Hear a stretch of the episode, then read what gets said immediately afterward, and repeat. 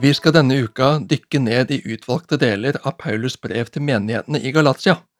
Dette er trolig det eldste av Paulus sine brev som vi har i Det nye testamentet, og det skiller seg ut fra de andre brevene. Her er det temperament. Her er det et kraftig engasjement.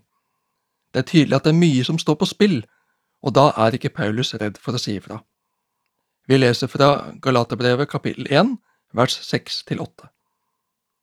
Det undrer meg at dere så raskt vender dere bort fra ham som har kalt dere ved Kristi nåde, og til et annet evangelium.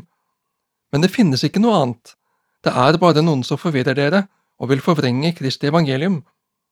Men om vi selv, ja, om en engel fra himmelen skulle forkynne dere et annet evangelium enn det vi forkynte dere, forbannet være han. Etter å ha hilst leserne sine, pleier Paulus i sine øvrige brev til menigheter å be for dem eller lovprise og takke Gud for dem, men slik er det ikke her. I stedet presenterer han straks temaet sitt, og han understreker det spesielt sterkt. Her er forbauselse, uro og forbannelse. Dere har latt dere vende bort, kunne vers seks vært oversatt med. Det var altså noen blant dem som lurte dem. Dere er noen vinglekopper, sier Paulus egentlig. Også så fort det har gått. Er dere så lettlurte? De er religiøse værhaner og åndelige desertører. Falske lærere var kommet inn og hadde fått innflytelse i menigheten etter at Paulus var der. De krevde omskjærelse og etterfølgelse av Moseloven for å bli frelst.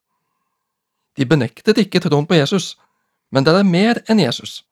Med andre ord, de mente at de selv måtte fullføre gjennom å overholde Moseloven det Jesus begynte. Du må legge din gjerning til Jesu gjerning, da blir det bra. Underforstått, det var ikke nok det Jesus gjorde. Paulus kan ikke tolerere denne læren. Han sier i stedet, Kristi gjerning er et fullført verk, og Kristi evangelium er den frie nådens evangelium for alle. Frelsen skyldes Guds nåde og ikke gode gjerninger fra vår side. Det som blir så fryktelig alvorlig i menigheten, er at når de vender seg bort fra nådens evangelium, så vender de seg i realiteten bort fra nådens Gud.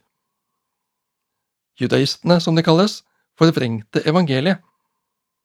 Det greske ordet som brukes her, kan bety reversere.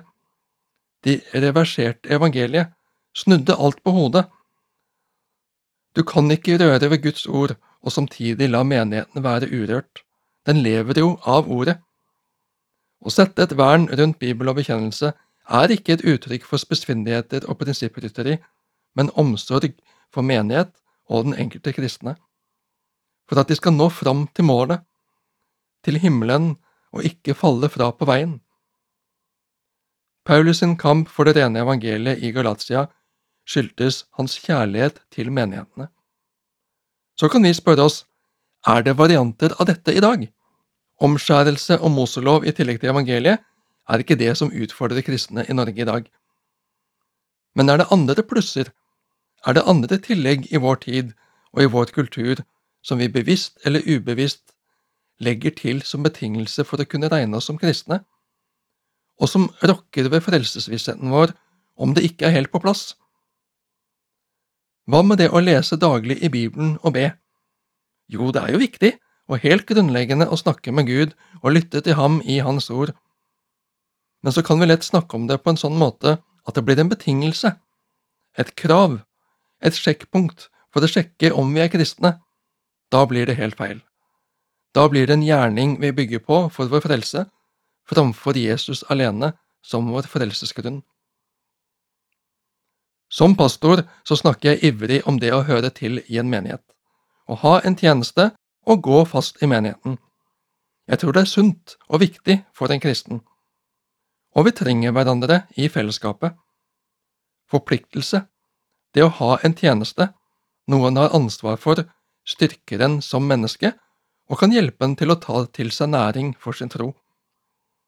Men vi må vokte oss for å gjøre menighetsengasjementet til en del av frelsesgrunnlaget, selv om det er veldig viktig og en god hjelp til å holde seg levende.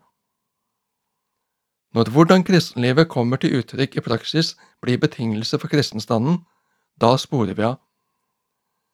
Vi ikke bare gjør det trangt og strevsomt for oss selv og for andre, men vi står, står i fare for å spore av fra livet med Jesus. Frelsen handler ene og alene om hva vi får ta imot av Jesus. Så vil det, der det er liv, også bære frukter ut av det.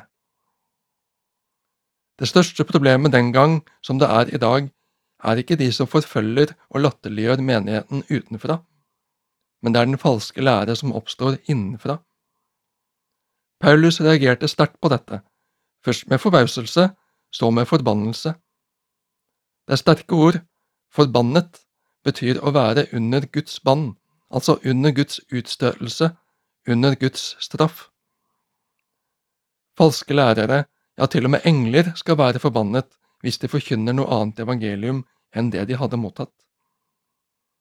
En vei hvor det er mine fromme gjerninger som til syvende og sist er avgjørende, min lydighet, min lovoverholdelse, der er evangeliet borte.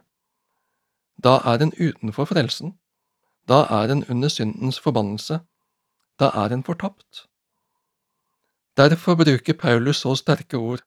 Ikke engang engler skal dere høre på, hvis de forkynner at frelsen oppnås på andre måter enn gjennom det vår Herre Jesus har gjort for oss.